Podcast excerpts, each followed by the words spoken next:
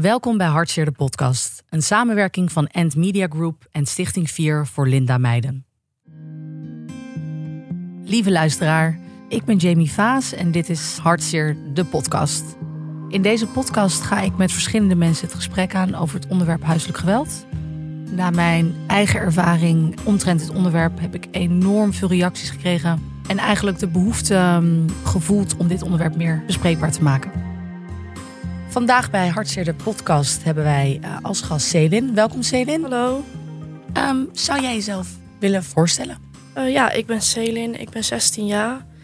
En uh, in mijn vrije tijd doe ik eigenlijk meer lezen, wandelen. Gewoon eigenlijk waar je je hoofd wat leger door kunt maken. Veel opschrijven wat met was zit.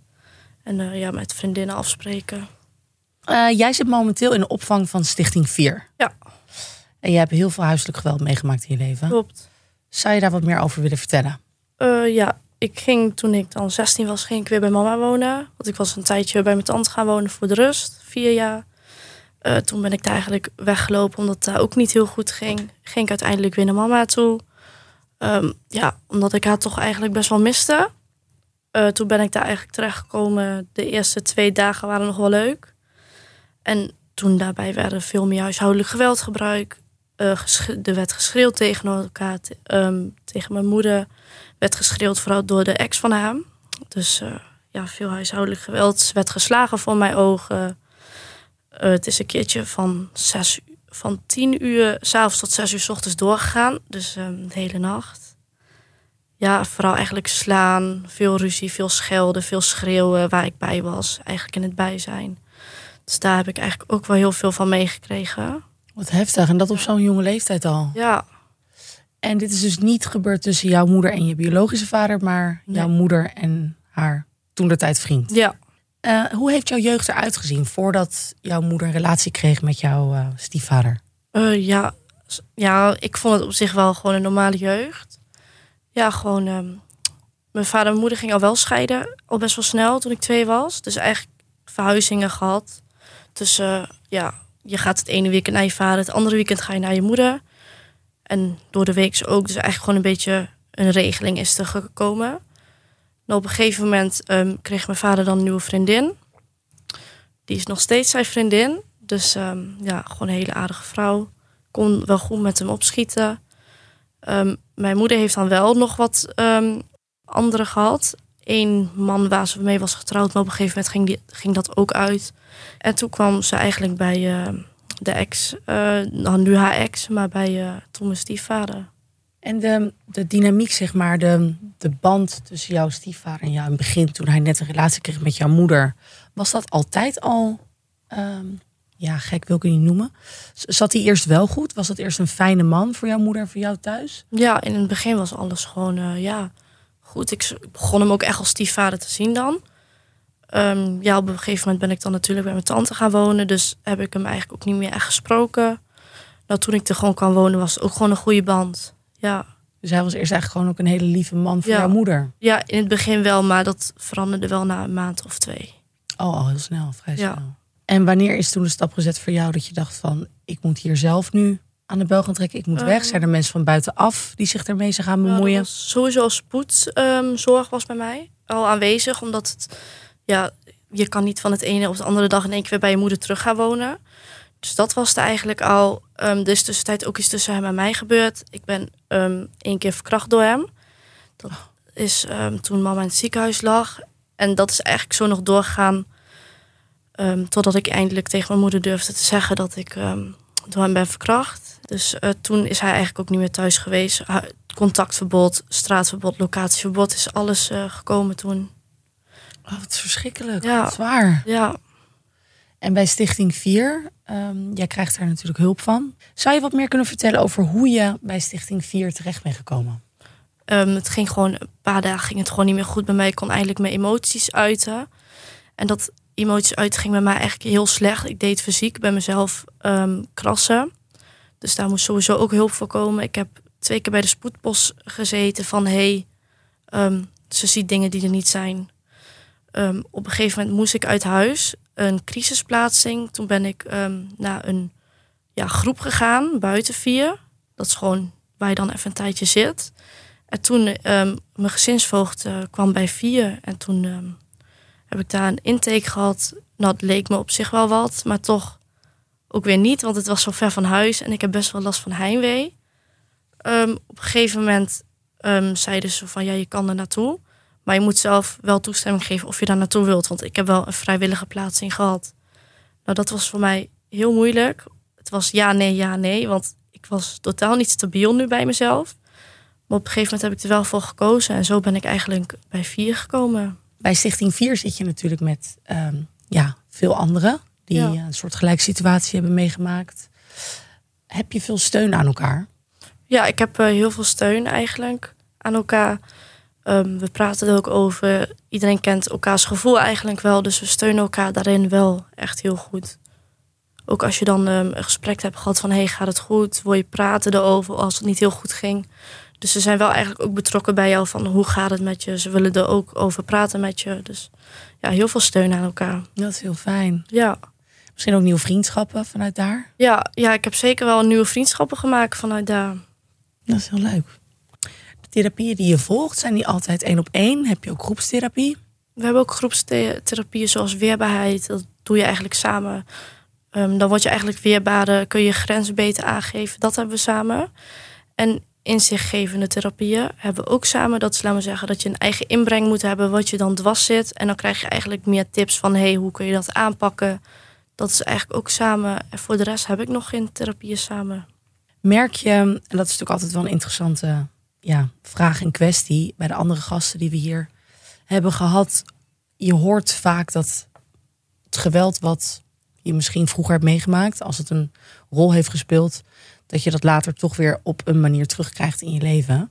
Ehm, zie je dat bijvoorbeeld om je heen ehm, met de meiden of andere jongeren bij de stichting, dat er op een bepaalde manier toch het geweld uh, of eventueel agressie dat het terugkomt? Uh, ja, soms wel. Dat er dan bijvoorbeeld een mentorgesprek is wat misschien misgaat, dat het dan wel sneller uit de hand gaat als schreeuwen en zo omdat ja, we hebben een beetje allemaal hetzelfde meegemaakt. We reageren ook allemaal wel een beetje hetzelfde. Een beetje meer agressief. Maar op een gegeven moment, ja, dan uh, praten ze het wel natuurlijk weer bij en is alles gewoon weer goed. Het is eigenlijk gewoon um, hoe snel je een reactie kan geven, daar komt dat eigenlijk uit. Dus het is niet eerst rustig, maar het stapelt zich op en dan ontploft eigenlijk een beetje alles in je hoofd. En dan. Ja. Het wordt wat explosiever uit, ja, zeg maar. Klopt. En daar werken jullie dan natuurlijk ook aan. Ja. Jeetje, wat een heftig verhaal. Ja. Maar vraag, hoe gaat het nu met je? Uh, ja, nu gaat het op zich wel goed. Ja, natuurlijk wel ups en downs. Maar de goede dagen zitten er wel meer tussen dan de slechte dagen. Ben je nog wel eens misschien angstig? Of krijg je het gevoel dat er misschien weer ooit een keer een moment komt dat hij toch nog bij jouw moeder uh, voor de deur gaat staan? Of dat hij jou misschien op komt zoeken?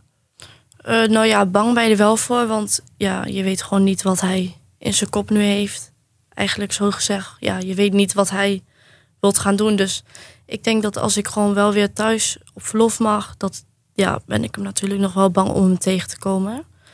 Maar dan weet ik wel wat ik moet doen. Dat is er wel goed ingepraat. Als hij tegen mij begint te praten, moet ik gewoon gelijk uh, 112 bellen. En daarna gewoon naar de mensen lopen. Heeft hij een lange relatie met jouw moeder uh, gehad? Uh, vier à vijf jaar. Goh, dat is best wel lang. Ja. En uh, als je niet, geen antwoord op geeft, is het goed. Maar jouw biologische vader, heb je daar uh, goed contact mee? Ja, daar heb ik ook gewoon goed contact mee. Ja. Oh, dat is wel heel fijn. Klopt, ja. En het geweld ontstond dus eigenlijk pas bij jouw moeder thuis met haar ex-man, met jouw stiefvader. Ja, klopt. Gossie, um, ik kan me inderdaad voorstellen dat jouw vader, uh, ja, die moet verschrikkelijk boos zijn natuurlijk op de man die jou en jouw moeder dit heeft aangedaan? Ja, die uh, was heel boos. Of ja, is nog steeds heel boos. Op een gegeven moment zei hij van ja, ik moet hem niet tegenkomen, want dat komt niet goed. Ja, die is um, echt heel boos. En ook heel voorzichtig nu. Um, ja, met mij eigenlijk. Van ja, het moet niet nog een keer gebeuren. Daarom is het vertrouwen in mijn moeder is goed. Um, gewoon naar elkaar toe. En ik kan me ook voorstellen voor jouw moeder het ligt natuurlijk helemaal niet aan je moeder, maar de verantwoordelijkheidsrol die je als ouder draagt. Toch? Dat bij je dochter ja, dat er huiselijk geweld voorkomt. Dat haar ex iets bij jou heeft aangedaan wat natuurlijk verschrikkelijk is. Klopt. Heb je wel eens met je moeder gesproken over hoe dat, of zij zich daar misschien een stukje verantwoordelijk voor heeft gevoeld? Nee, daar heb ik het eigenlijk nog niet met mijn moeder over gehad. Dat komt er nog wel aan in gesprekken. Maar op dit moment hebben we gewoon aan onze band en vertrouwen weer. Um, om vertrouwen weer terug te krijgen. Omdat ik best wel vaak heb gelogen in die tijd.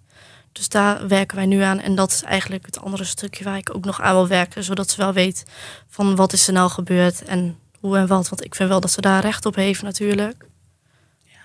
En wordt dit ook allemaal begeleid door Stichting 4, hoe zo'n proces gaat? Met, ook met de band met je moeder. Los even van de therapie die gefocust zijn op jou. Doen zij ook dat hele traject ehm, begeleiden? Ja, één keer in de twee weken heb je een gesprek. Ehm, de ene keer heb ik hem met mijn vader. En dan met vader en moeder. En dan alleen met mijn vader. Dus daar zitten dan ook um, je mentor zit erbij. En een systeemtherapeut zit erbij. En dan praat je eigenlijk over hey, wat speelt er nu. En dan kun je toch wel de band ook aanwerken. Ja, dus de bedoeling is eigenlijk dat jullie als heel gezinsformatie, dat dat weer gewoon helemaal uh, goed gaat komen bij elkaar. Ja. Dat is heel mooi. Klopt. Is er zelf iets dat jij heel graag wilt vertellen? Waarvan je denkt van nou, dat vind ik fijn. Nou, eigenlijk meer iets aan de mensen meegeven. Ja?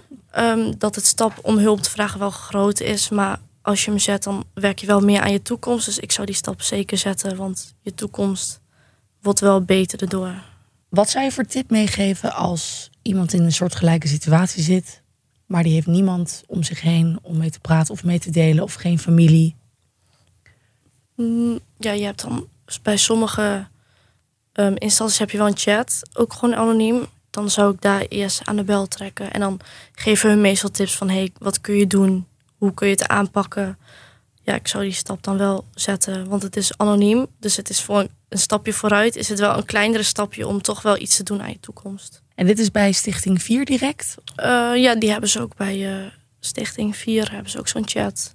Heb jij toekomstplannen? Wil je, heb je iets van later, als ik groot ben? Wil ik uh, heel graag? Ja, ik wil graag een eigen winkel, een kledingwinkel, um, toch wel. En dan daarin gemengd van ik wil nog de nagel opleiding doen. En mijn moeder wil dan wimpers. En dan uiteindelijk dat misschien ook nog wel een stukje erbij maken. Dat we samen iets opbouwen. Leuk, samen met je moeder. Ja. Oh, dat is heel leuk. Ja. Nou, dan gaan we dat gewoon doen. Klopt. Dankjewel. Alsjeblieft.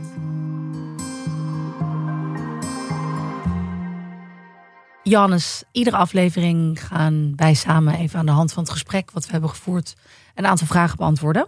Wat is je opgevallen? Selim vertelde aan mij dat zij vaker bij Stichting 4 ziet dat nadat uh, er huiselijk geweld is toegepast, bijvoorbeeld in een jeugd of in een andere relatie, dat ze dan zelf ook emotioneler of agressiever kunnen reageren. Zie je dit verband vaker? Ja, dat is wel een patroon die we vaker uh, zien. Dat noem je met een lastig woord intergenerationele overdracht. Dus dat, je het, dat het geweld eigenlijk van generaties op generaties doorgegeven wordt. Uh, en dat gebeurt ja, in alle generaties en gezinnen. Met de mooie dingen, maar ook met de minder mooie dingen. Waar geweld ook een van de vormen van is. En uh, dat eigenlijk ook niet de tools en de kwaliteiten worden aangeleerd. Van hoe ga je dan je problemen oplossen? Of hoe kun je dat op een andere manier doen? En dat wordt daar uh, ja, niet in meegenomen. Waardoor iemand ook niet anders weet dan hoe je ja, dat je problemen bijvoorbeeld met geweld ook weer oplost. En door het trauma wat iemand meegemaakt heeft, ook zelf minder ruimte heeft om ja, te weten van hoe ga ik met mijn emoties om. Dus dat dat eerder eigenlijk de emmer vol is of overgelopen is, dan dat dat bij, uh, bij andere jongeren uh, is die, die dat niet meemaken. Ja, want er zit al heel veel. Er zit al heel veel, dus ja. die emmer wordt sneller overladen. Nou, en als ze dan overladen zijn en je weet ook nog eens niet wat je dan vervolgens moet gaan doen. En je hebt dan geleerd van oké, okay, nou ja, uh, dat je dan maar iemand, dat je dan geweld, dat je dan met geweld zorgt dat het opgelost wordt ja, dan uh, vallen mensen terug ook in de oude gewoontes die ze eigenlijk van kleins af aan al geleerd hebben. Um, ja, en dat is een, een, een, teken om zelfgeweld toe te passen, om weer vaker ook uh, geweld mee te maken. En dat is iets wat wij uh, wel steeds veel vaker zien. Is het mogelijk om zo'n patroon te doorbreken? Is dat, denk je dan aan intense therapie? Wat, Um, Wat ja, voor advies? Ja, dat is voor iedereen natuurlijk anders. Maar als je het echt kijkt over mensen die vanaf, vanaf, vanaf de vroege kindertijd al dit meegemaakt hebben, dan ja, zie je soms ook dat dat in de, in de persoonlijkheid al ja, scheurtjes gaat brengen. En daar is wel ja, lange ondersteuning en therapie voor nodig. Omdat je vervolgens, als je dat meemaakt, ook vaak in allerlei, uh, in het dagelijks leven ook heel veel vastloopt. In je werk, in relaties, in contact met vrienden. Daar kom je dat allemaal ook tegen van hoe je ook problemen oplost en hoe je daarmee omgaat. En uh, ja, dat zijn hele moeilijke patronen om, om, om, om, te doorbreken. En als je bijvoorbeeld dit in een gezin speelt, uh, dan heb je daar echt ook wel therapie nodig waar het hele gezin ook in meedraait. Omdat alles met elkaar samenhangt wat dan in zo'n in zo'n in zo'n gezin gebeurt. Dus als je dat met elkaar kunt oplossen, dan kan het zijn dat je op dat moment zo'n patroon doorbreekt. Maar het zijn ja, echt wel lange ademprocessen vaak. Oké, oké, dankjewel. Dankjewel voor het luisteren naar de vierde aflevering van Hartzeer de podcast. Volgende week hebben we weer de allerlaatste aflevering. En dan gaan we kijken naar een betere toekomst na huiselijk geweld. Deze podcast is een samenwerking van End Media Group en Stichting 4 voor Linda Meijden.